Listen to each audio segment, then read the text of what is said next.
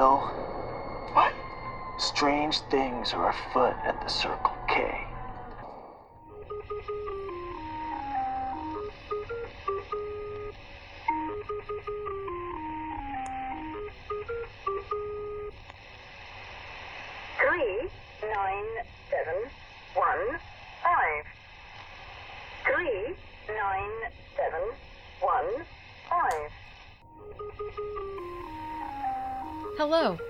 welcome to this week's episode of Bigfoot for Breakfast, home of the mysterious and the macabre, where we sit in the basement every week challenging conventional thought. We are your hosts, Samantha Carter. and Sarah Jones. We're back again for another week of weird and mysterious, and this week we bring something a little different to the table. No doubt that most of you have heard of this, bits and pieces here and there, but for anyone who ever wanted to delve a little bit deeper into one of the government's more notorious secret projects, this one's for you. The subject we've chosen tonight is a little more conspiracy and a lot less creepy. Despite it's still pretty creepy. Yeah. The idea, the possibilities. it's creepy, but not shadow people creepy. No, not shadow people creepy. It's also kind of a little less conspiracy, even since the FBI document dump that confirmed the beliefs of conspiracy theorists across the world. Um, if you remember us mentioning astral projection in the Shadow People episode, this will give a little deeper explanation into some of that concept. It's nothing short of amazing what the mind can do, or rather, what the government suspects it can do. It started in Fort Meade, Maryland, 1978, when America was right in the middle of the Cold War with Russia. Tension was super high among countries, and everyone was looking for a new way to get a leg up. The Cold War was a time when the world was advancing in tactics for warfare and moving on from some of the older practices that were seen during the most recent World War II. It is an entirely different type of fight because it was indirect warfare, not exactly hand to hand combat and front lines.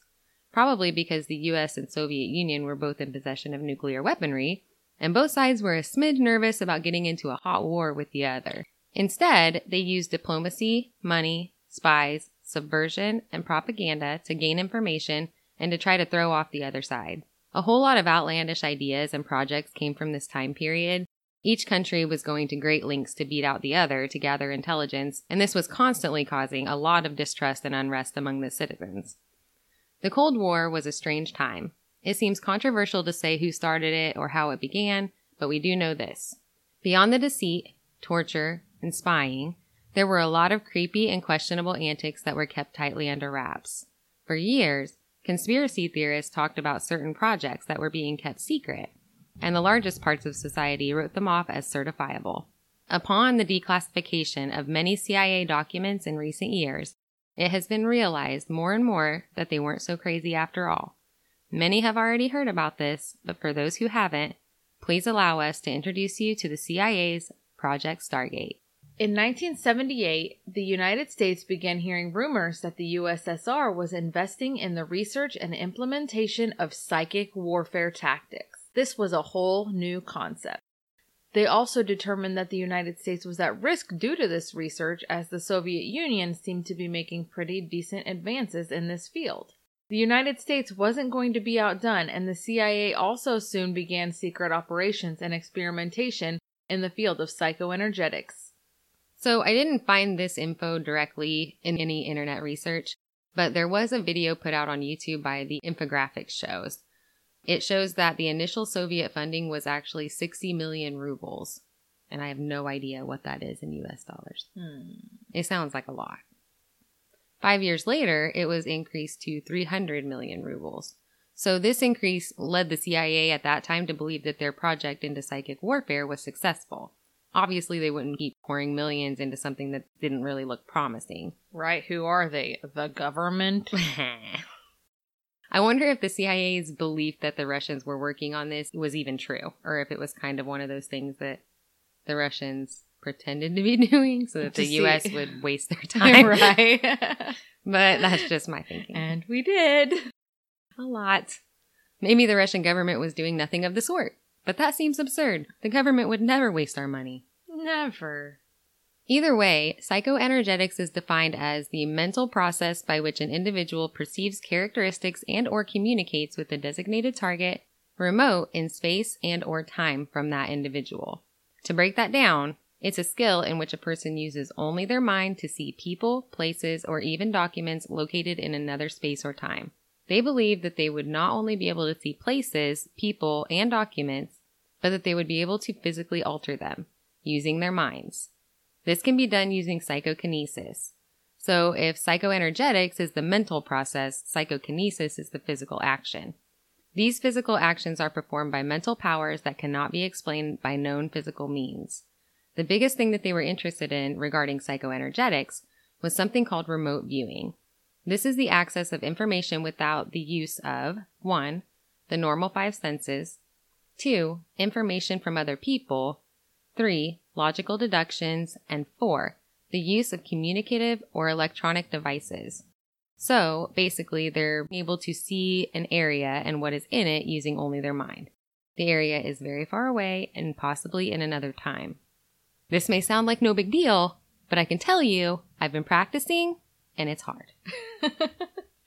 Staring at a goat.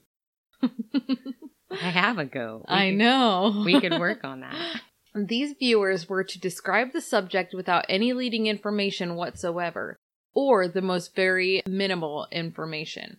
The CIA believed everyone has the brain power to do this to a certain extent. They believe that it is inherent to humanity, but over the course of evolution, our need to do this for survival or self preservation purposes has decreased. This is due to the development of our species and the world around us, so we just kind of lost it over time.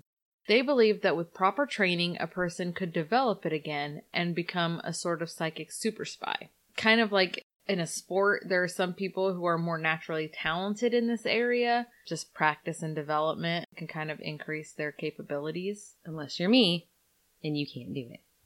They felt that this would be extremely beneficial in a Cold War type of warfare because it's passive. No one's being sent to a dangerous situation that could result in casualty. It's inexpensive and there's really no defense against it, so what could be better? It seems like it fits right along with the whole premise of the Cold War. I kind of love that the government is seeming to branch out into this type of area of study. Parapsychology is actually still a relatively large field today. Lots of research goes into precognition and remote viewing. It all continues and is still decently funded to this day. But mostly this is by independent groups, mostly universities, and there's possibly still some ongoing government work if you believe rumors. In the CIA released documents regarding Project Stargate, which anyone can view online now, definitely worth a Google. They itemized the tasks and goals that they would like to achieve along with the information that they would like to gather from the project, including 1. Penetration of inaccessible targets. 2. Science and technology information. 3. Queuing of intelligence collection systems. 4. Imminent hostilities. 5. Nuclear and non nuclear targets. 6. Human source assessment. And 7. Developing personality profiles. So, although the CIA ran and controlled funding of Project Stargate, the beginning of the project didn't even start with the CIA. Two men by the name of Russell Targ and Hal Puthoff had already been researching the concept of astral projection and remote viewing for years, completely unaffiliated with the CIA, and they finally pitched the idea to the Stanford Research Institute in 1972.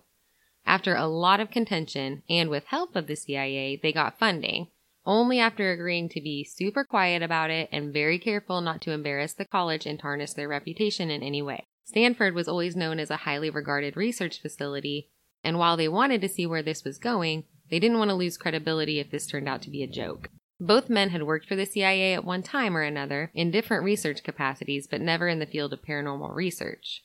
After they started looking for potential subjects, it wasn't long before they heard about a young man by the name of Uri Geller. Geller had already been using a gift similar to what they were looking for in more of a performance capacity. He was seemingly able to bend spoons using only his mind. So this would be a great start because they're looking for people with kind of more of a natural ability, and this is exactly the type of talent they would be looking for. They figure that if he can do something like that, he's more likely to be able to mold into their psychic super spy because he can tap into that extra piece of his brain. But was Uri Geller for real or was he just a performer?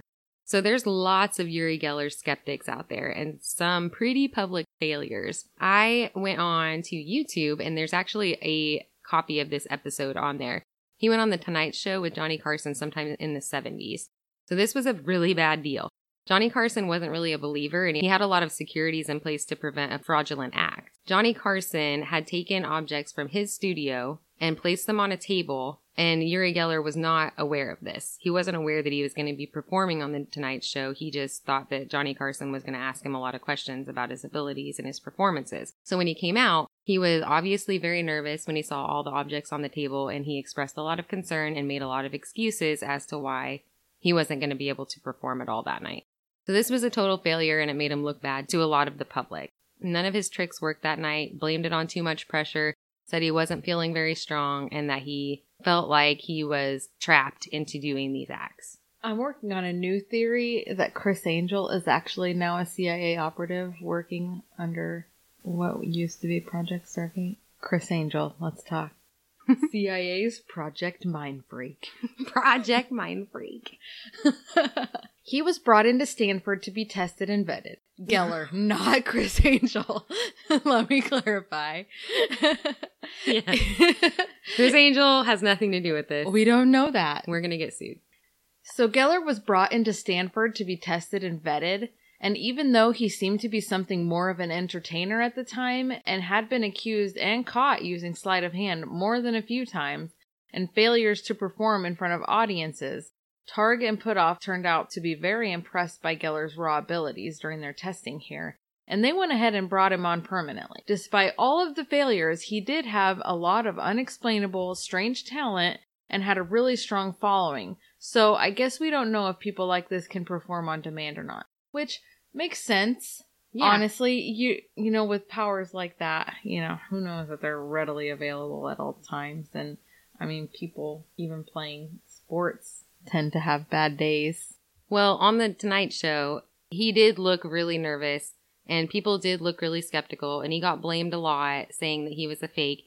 But he did say during that interview that he does need to prepare himself before he does an act.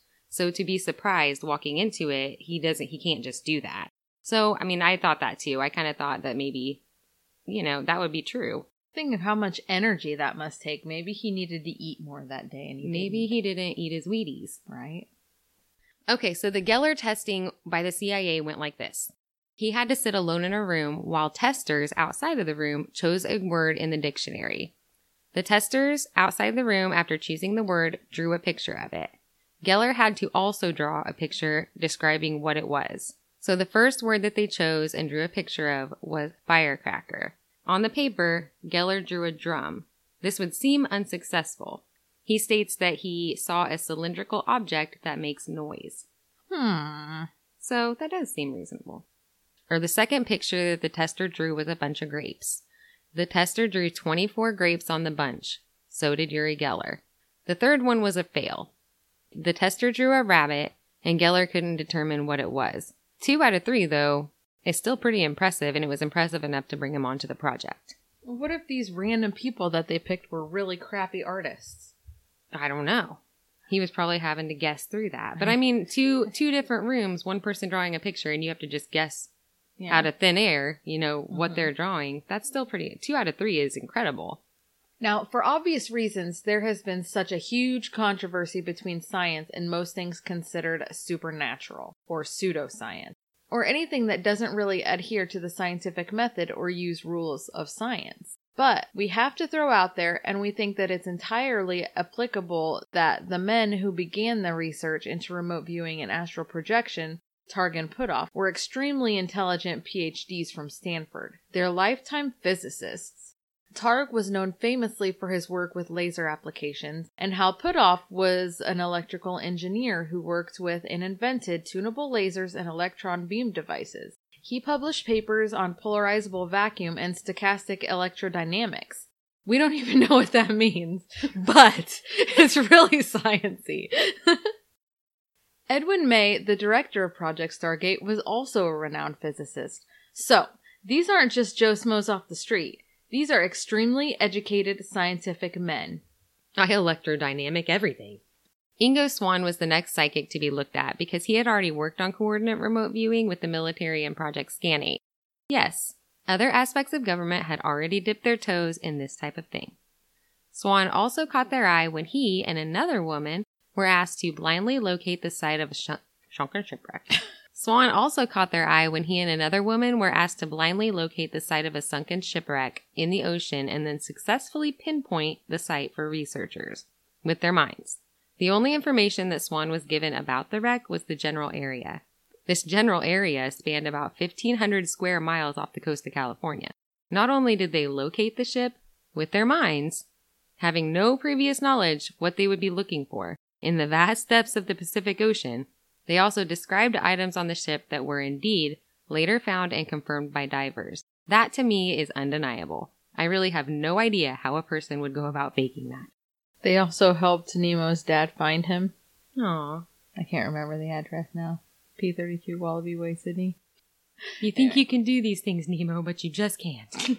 You think you can do these things, Swann, but you just can't. Stop looking at me, Swann. During testing at Stanford, Swann was said to have actually become bored with the tasks being presented to him. Oh, the tasks really just included Targ and Puthoff hiding objects. Pick a hand. you get a treat. I'm gonna put both my hands behind my Got a dollar. Oh, you almost got it. The tasks really just included Targ and Puthoff hiding objects in envelopes and asking Swann to describe the object without him ever seeing it, which he did successfully several times. He then asked for something more difficult. So they began giving him geographical coordinates to specific buildings and distant outdoor geographical targets.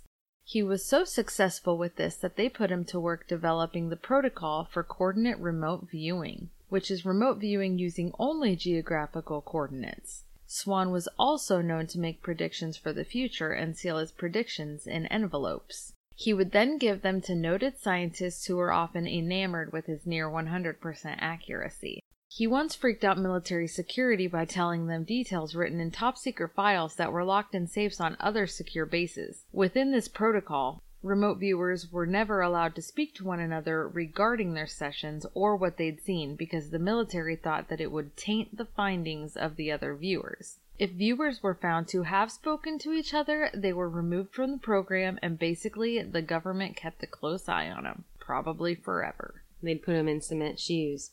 Wait, that's the mob. Yeah, same thing, kinda. So I know that they signed a waiver, each one of them going into the program, agreeing to 10 years in prison if they spoke of the project prior to declassification at all. This is according to a very reputable viewer, Lyn Buchanan. The viewers were told nothing about the locations that they would be viewing prior to a session. At the beginning of a session, they were given the coordinates and a time, because while our conscious minds work best in real time, our subconscious can span back and forth through time. So, as quoted from Lyn Buchanan, we don't know if we're looking at another planet or downtown Manhattan. We just described what we saw. Lyn later described his experience as interesting and amazing. He also described the project and the unit as the illegitimate child of the intelligence community. Everybody loved it, but nobody wanted to claim it. That's pretty fair. yeah, exactly. exactly. Same, Lyn. Same. Kind of like Bigfoot for breakfast. right. Russell Targ, one of the creators of Project Stargate, was interviewed on a radio show called Beyond Reality this past January. Yeah. Past January. We're Going from, down to Jacoby. we're from Minnesota. shopping. Minnesota now. Sorry, Minnesotans. I just realized we were probably being offensive. I don't know what you're talking about. Is that even Minnesota? I don't know. I think, it's it is. Canada. It's Canada. They're close though. Yeah. I think they. I think it trickles down into the Minnesota. Figure it out. Figure it out. To be fair. Russell Targ, one of the creators of Project Stargate, was interviewed on a radio show called Beyond Reality this past January, and he was asked why the government creates these projects and then vehemently denies that they exist, like the illegitimate children. Exactly. Maury. They need Maury. They need Maury. You need Jesus and Maury. and probably Dr. Phil. Where's Dr. Phil? He fixes everything. Targ states that basically there would be just so much contention and debate over projects like this because the things that they are studying aren't necessarily proven. Staunch Christians and scientists would completely fight the government about spending money trying to develop ESP abilities. I guess it's easier to ask for forgiveness later than ask for permission up front. Plus, it's top secret because they don't want other countries or enemies of the United States to know what they're developing. So obviously they can't really report everything to the American people due to national security. He also spoke about the amount of funding that Project Stargate was receiving, which was just over a million dollars a year from the CIA alone. I guess I think that if the CIA didn't think that the project was beneficial in any way, they probably wouldn't have spent over a million dollars a year for over 20 years on a program like this. They don't seem like very patient people, the way that they're portrayed on TV anyway. Right? They always seem really uptight, but the way that they dress makes me think that they would be really financially responsible. I wonder if the suits though are like standard issue. You know, they might be like hot off the press. Yeah, when and they, get- ha- you know, you take it off and leave it for somebody to iron, and then you wear your civvies home. You know, when you come in, you get your suit back. like Men in Black, Yeah, aliens helping them with their suits. Another remote viewer was brought in by the name of Pat Price, who described successfully in detail seven of the nine places that he was given coordinates for. seven of nine. Star Trek fans, you know. That's right. Already, extraordinary things were beginning to develop. So, the men took what research they already had, along with their team, and spoke with Kit Green of the CIA. Green got them a formal study with the CIA. Pat Price was the man being tested. The CIA gave the geographical coordinates of a facility that they were interested in. During this testing, Price successfully described a crane and a building with a large steel sphere that was under construction. This helped the CIA find a weapons system that they had been looking for. The price was right. The price was right. Come on down. Pat Price also contacted the police who were searching for Patricia Hearst when she was kidnapped. They allowed him to look in their book of mugshots and he identified the main person involved in the kidnapping and stated that it was a political crime, as she was the granddaughter of a corporate publishing firm magnate. He described a white station wagon and told the police where it was located. As Price waited at the police station, police went out and found this car and boom, recovered Patty Hearst. Boom. Boom.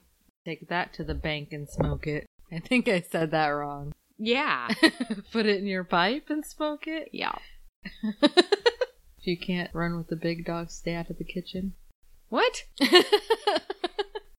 Men are like trolley cars. There's plenty of them in the sea. The CIA agreed to fund this project in order to continue research into this phenomenon and try to cultivate these skills in people who seem to already have some of these abilities. They seem to believe that practice will make them better at this particular type of espionage.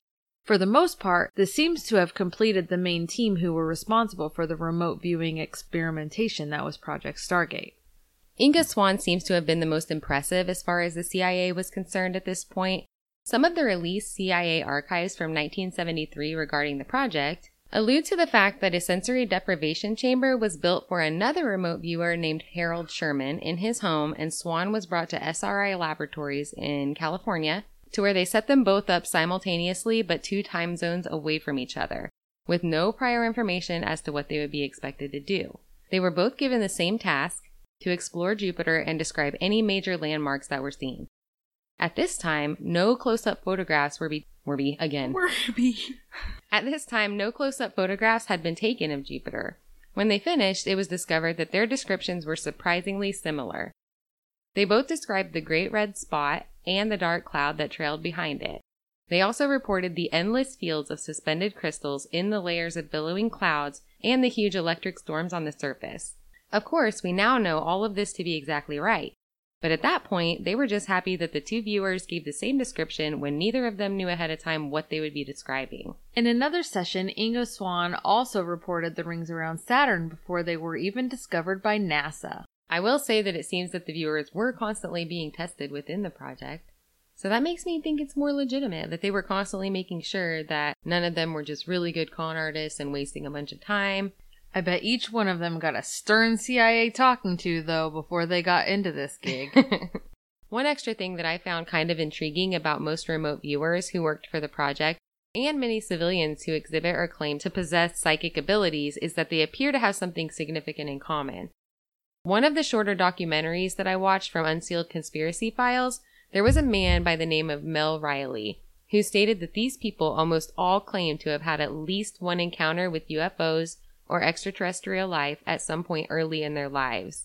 Some theorize that these encounters may have unlocked something in the brains of these individuals that allows them to use these abilities more easily and makes them more highly intuitive. You heard it here first, folks. You can access psychic abilities through anal probing. It's always the aliens. I wonder if they aren't getting a bad rap for some of this stuff. We don't know why this is happening. It must be aliens. Although the CIA agreed to involvement and funding for Project Stargate, the project hit a pretty significant snag in 1975 when MK Ultra became public knowledge. Obviously, and for good reason, there was an immense amount of controversy and discontent among the American people, so the CIA got in trouble, since they were obviously having trouble with the whole concept of keeping things low key. Daddy government grounded the CIA, and the agency was ordered to get rid of any programs that may discredit or embarrass the government. Apparently, dosing people with LSD without their knowledge to see if you can create a super soldier is a pretty solid no. No. Due to this, Project Stargate lost all funding at this time. According to Ken Kress, the CIA was split as far as opinions about remote viewing, so it was pretty easy to discard. At this point, they were contacted by Dale Graff from the Air Force and asked to continue with their work with them to help check out the Russians during the Cold War. So the project moved forward from here with funding from the Air Force. Another one of the more interesting occurrences that came from Project Stargate was from a man by the name of Joe McMoneagle on May 22, 1984. McMoneagle was a CIA operative who was famously known to be psychic and wrote a book called The Stargate Chronicles that was described as riveting. Riveting. Now, it seems that McMoneagle wasn't named in the CIA documents as being the viewer, but later interviews I have found him describing the viewing as though he was the viewer, so I don't know what that's about. The document describes the method of site acquisition like this. The sealed envelope was given to the subject immediately prior to the interview. The envelope was left unopened until after the interview. So he just got a sealed envelope that he could hold throughout the interview, but not open. Don't touch it. Don't touch it. It's like a teaser. So in the envelope was a 3x5 card with the following information The planet Mars. That's a lot of info. Time of interest, approximately 1 million years BC. Selected geographical coordinates provided by the parties requesting the information were verbally given to the subject during the interview. So, it seems that they're wanting McMoneagle to go and view a specific place on Mars during a specific time, but he doesn't know this yet. He doesn't know where he's going. He only has the sealed envelope with the description in it. The initial coordinates on the card seem to have just been a starting point because later they have a guy in the interview sending him to other coordinates within Mars, but he doesn't know that he's looking at Mars. The first thing that he reports is a place that is ochre colored and has just endured a major geological problem. He describes large, dark, flat, smooth surfaces and repeatedly states that the geological features of the place are really large, almost megalithic. He was sent to an earlier time in the same place and immediately began describing a world inhabited by a civilization that was on the verge of collapse. He described infrastructure with intersecting roads, aqueducts, channels, and pyramids. He also describes structures carved into the sides of canyons with very high ceilings and other pyramidal structures with chambers that are empty and seem to be a place used for hibernation or sleeping through savage storms. Throughout the viewing, McMoneagle seemed completely astonished and abandoned the guidance of his colleague, going on 30 minute rants about the location. He describes extremely large entities who were wearing strange clothes in this place, and when he was told to initiate conversation with them, he tells his colleague that they are an ancient civilization on the brink of an apocalypse, with members of their civilization gone, having been sent on a mission to find a new place to live and survive with their environment completely failing. Before you carry on, I'm a little confused because he was able to have a conversation with them so they spoke English? I think it was telepathic, Oh. from what I oh. gathered. Like it was kind of a know, mutual understanding. Yeah, I don't know. I don't know. People talk about communicating all the time with aliens, so I don't know. Like maybe they have a talk about- Babel fish, like the fish that you put Maybe. in the ear. Yeah. Maybe they have Google Translator. Maybe. I think most of it from they what probably should since they invented it and we stole their tech. I think if you think about most abduction stories, Oh, they almost always say that they never spoke. It was just Yeah. like an, a mutual telepathic understanding. yeah. So that's what I guess I don't remember reading that, but I that's what I assumed. I guess I don't know. that's the telepathic understanding that you have. right. Yeah. I figured it out. He described them as tall, shadowed figures who appeared to be in a state of hibernation, just waiting for news from their search party. McMoneagle asked the entities if they see him the way he sees them. He perceives their response to mean that they do see him, but that they think he's a hallucination. At this point, the guide asks McMoneagle to go with the group of beings that left the area in search of a new place to find out where they go. McMoneagle successfully locates them at what he describes as an extremely volatile place with huge active volcanoes, different types of storms, and lots of vegetation. McMoneagle's session ended, and he was allowed to open the envelope with the name of the place that he was to visit. He opened the envelope, which revealed that he was sent to Mars, approximately 1 million years BC. My question is the person who is conducting or guiding the viewing, how did they know where and when they needed to send the viewer on Mars in order to find anything? The fact that they even had coordinates and times for Mars during the 80s makes me think that they were looking for something very specific. The Mars Observer was sent out on its mission to check out the planet on September 25, 1991, and signal was lost from NASA when a certain area of the planet was reached. Steve Murillo, director of MUFON LA, states in an interview with Unsealed Case Files that remote viewers were sent to see if they could find it. Again, they were not told prior to the session that they would be viewing Mars or what they would be looking for. The viewers reported that there was an object approaching the planet, which would have been the observer, and that this object was taken over by another larger object and shut down just as it reached Mars. It's speculated that the Mars observer was hijacked by a UFO. My germs. I liked it, it's mine. Aside from Project Stargate, the Farsight Institute, which is still up and running today, and is a privately run research institute that uses remote viewing in many of their projects, and they aren't the only ones. Today, there are many, many facilities around the world in which people are taught and practiced in the field of remote viewing. Why did I miss out on those kinds of opportunities? I don't know. Whenever we were in high school and there was college scholarships going out and we were talking to the high school counselor, not one person said, "Do you want to go to school to astral project?" Not one. Right? I didn't know this was an opportunity. I feel like I was failed. This was- Society failed us.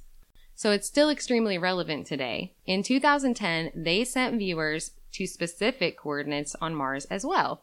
They came back with visions of a large dome that doesn't appear to be naturally made, underground tunnels and chambers, along with a laboratory that was occupied by humanoid figures. The viewers got the impression that this was not a new civilization, but an extremely ancient one. This sounds somewhat similar to what Joe McMoneagle's experience was, so maybe the dying civilization that he saw ended up persevering after all.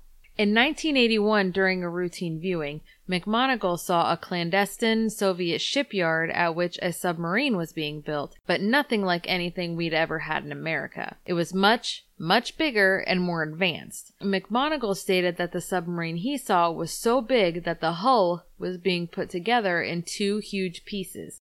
He was laughed at by marine engineers who completely dismissed this as true because they had never seen anything like this and they were sure that no submarine like this had ever existed. Shortly after this viewing, they discovered the existence of the Russian Akula submarine, a giant sub much bigger than anything that had existed in any other country that could carry up to 200 nuclear warheads. Boom. Take that, nerds!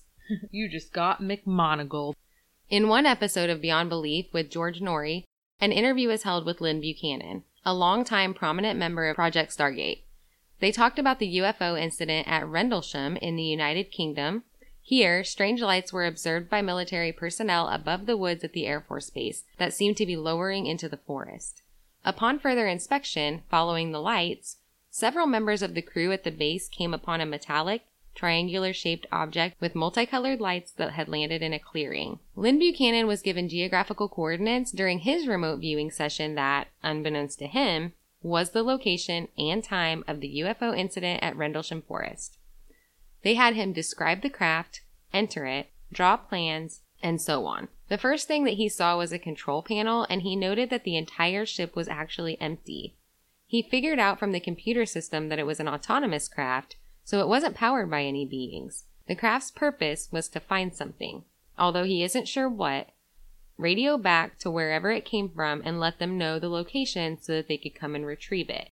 Lyn describes the craft as being about five to six times the size of a car and on the inside looked much, much larger. Sounds a little like the TARDIS, bigger on the inside. We've all heard rumor that there are supposedly buildings and man made structures on the far side of the moon. Other remote viewers have stated that they've seen this and that this is true. Lyn Buchanan was asked if he himself had ever done any remote viewing on the far side of the moon, and he responded that yes, there were in fact structures on the other side of the moon. Noory asks him to elaborate on the experience, and Lyn responds that he saw these things with the coordinates that he was given, but while he was viewing, didn't know that he was looking at the moon. He describes what he saw as totally desolate, darkish, with lights in the structures. The structures were vertical but not high rise. They were industrial looking but not like anything you see on Earth. They were clearly man made, but he reports Reports. I'm here to report. here to report the news. observe and report.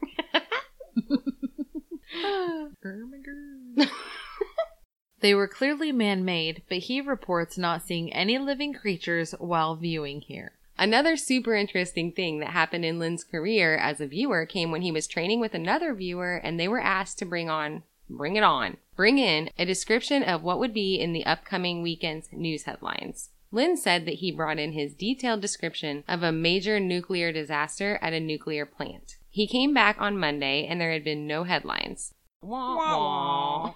He was wrong. A few days after that, it was seen in the news that Iceland had began reporting radioactive clouds coming from Russia. They went back to Lyn's description and discovered that he had predicted and described Chernobyl almost perfectly. He was still given a zero in accuracy for the assignment because he was actually tasked with telling them what would be in the newspaper over the weekend, and Chernobyl was not in the newspaper during that time, but a few days into the next week. Lyn describes, well, we're, you know, we've got kind of a weird Russian fixation here, but a lot of conspiracies stem from Russia. I know. And still today. It's putting me on edge.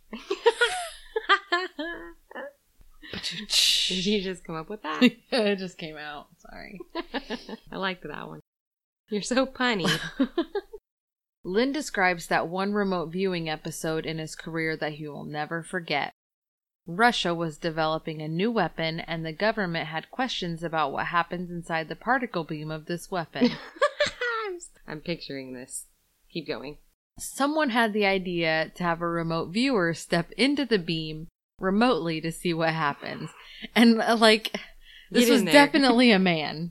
This You- was a concept birthed by the brain of a man. You know that there was a bunch of guys sitting around like, we gotta, someone's gotta stand in the beam.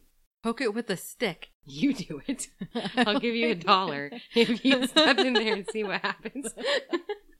He states that this was indescribable and beautiful. Time was so messed up that he was able to see forward and backward in time and completely psychedelic. Pew pew. Fire photons. if you did. Lyn was asked what the most common thing that remote viewers are being asked to do now that the program is shut down and declassified. Lyn responded that they're often asked to assist with police work, medical work, and scientific research and development. As far as police work goes, mostly they deal with drugs, missing children, and missing evidence. He states that he was once asked to assist in trying to predict when a certain shipment of drugs would be coming across the United States border from Mexico and where it would be located. Even though they are asked to assist, the police rarely actually follow through with sending mass officers to these places based only on the prediction of a remote viewer. But this time, they did just that and apprehended a huge shipment at the place and time predicted by Lyn. How much evidence based practice do you re- I mean how much evidence that they do they need that this is an effective tool to utilize? Why are they still like discredited and hiding this, you know? I mean, this should be a thing. Well, I think that, like right now, we're talking about all the success stories, but there's been a lot of failures in the world of the psychic, That's true. psychic folks. And on top of that, not only has there been failures, you know, because it's not an exact science probably, But not only is there a lot of failures, there's a lot of fakes. There's a lot of people who That's use true. this, and it's hard to tell who's real and who's not, and how much time do you waste before you figure out that it's a fake, and is that time precious? So it's hard to. I can see their point. Yeah, and then there's also a lot of the whole slippery slope thing in trying to stop crimes before they may or may not happen. You know? we all like saw what happened in Minority Report. Help me, Tom Cruise! I have to say that one of the most interesting things that I heard Lyn say during this interview with Noory also really freaked me out. There have been massive rumors that humanity is on the cusp of an event that is going to change our world, but no one really seems to know what it is. And let's admit it, historically, we're kind of due for one. So people speculate a lot about climate change, wormwood, plagues, epidemics, war, and many other things. Buchanan was asked about this because during Project Stargate, he was often asked to investigate the future. Noory asks all the right questions. Noory asked if he knew what we had coming to us. Buchanan answered that he doesn't know the cause, but that we are standing on the edge of a massive die off of much of the human race. Obviously, this is a negative, but the result would be good for the remnants of humanity, and we will again begin to flourish. The cities will be dead and decaying, emptied out, but the remaining humans will have all of the scientific advances that we had before, but would be a totally agrarian society where there's little in the way of needs. The only information that Buchanan gives as to what may be the cause of this is that it is not a natural disaster, but an intentional die off. He discovered all of this when he was tasked basically with going to the year 2050 and describing what he saw there. The end of Project Stargate came in 1995, so the government obviously felt that it was useful and compelling enough to keep pouring money into this research for 20 years. When the CIA first got involved, the funding was a mere one time payment of $50,000. By 1995, upon its end, the government had spent over $20 million on this project alone. I said this before, but I really feel like if they didn't see that this project was going anywhere and they weren't astonished with the findings that they were getting, funding wouldn't have nearly gone so far. Although Project Stargate has been shut down for several years and documents from the project were declassified, it's said that we have not stopped researching remote viewing, astral projection, and other parapsychology. Basically, it sounds like most of the people who were involved in Stargate definitely believe that there's a real possibility in this, but they weren't really showing much promise as far as bettering national security with methods that they were using. Many of the members of Project Stargate still actively practice remote viewing and are willing to talk about it. They scrapped Stargate and created an entirely new program with new methods of research. It's said that the United States still has a vested interest to this day, and it's speculated that Project Stargate got to the point where it had grown too large to be kept a secret. Too many people knew too much about it. It said that they got rid of the project, developed an official story that it wasn't beneficial and that they were shutting it down, but really they just took the whole thing underground with only specific key people involved. However, there are a lot of skeptics out there who really don't seem impressed with the methodology used in these sessions. I have to say too that even the declassification of documents that they put on the internet, I feel like was almost a way to appease conspiracy theorists that have been talking about it for so many years and so obsessed with the fact that there was this underground program that the government wasn't talking about. And I really feel like they didn't put out really any information.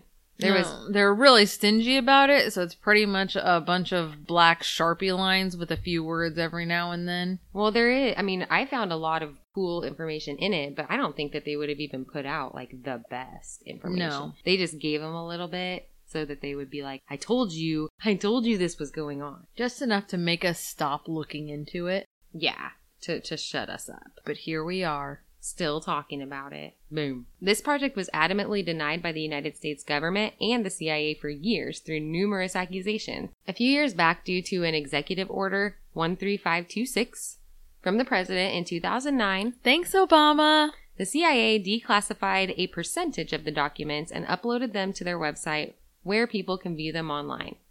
Note that I said a percentage, possibly due to national security issues.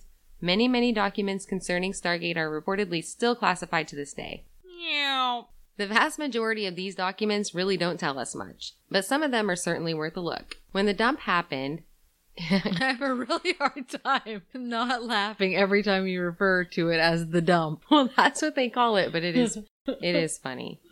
It seemed to support many conspiracy theories, but not only remote viewing. The viewing of an ancient civilization on Mars, structures on the dark side of the moon, interactions with alien beings, and statements that they are integrated into our everyday lives as humans, that aliens hold various strategic positions of power, and so on. There is a lot of information in these documents related to known UFO sightings as well, which seem to make unwitnessed abductees feel a little more credible.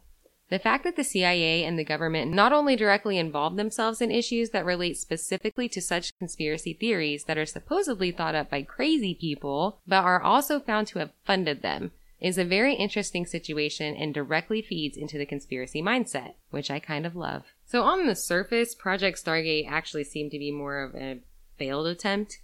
But really they had a lot a lot of small successes. And though they had a lot of small successes, it was still scrapped but it seemed to be enough to continue the research anyway. Targ Puthoff McMoneagle, Ed May, and many others are still actively involved in this research. And like we talked about earlier, they continue doing this research. So all of the research that's done today, well, probably most of it, is probably independent from the government, but I really still think that there are several government programs that run like this and are still involved in psychic warfare and are probably much more cool than they were in the 80s and 70s. And the government's still studying precogs and remote viewing in other ways to this day in other projects. I made a great point, and it's incredibly true.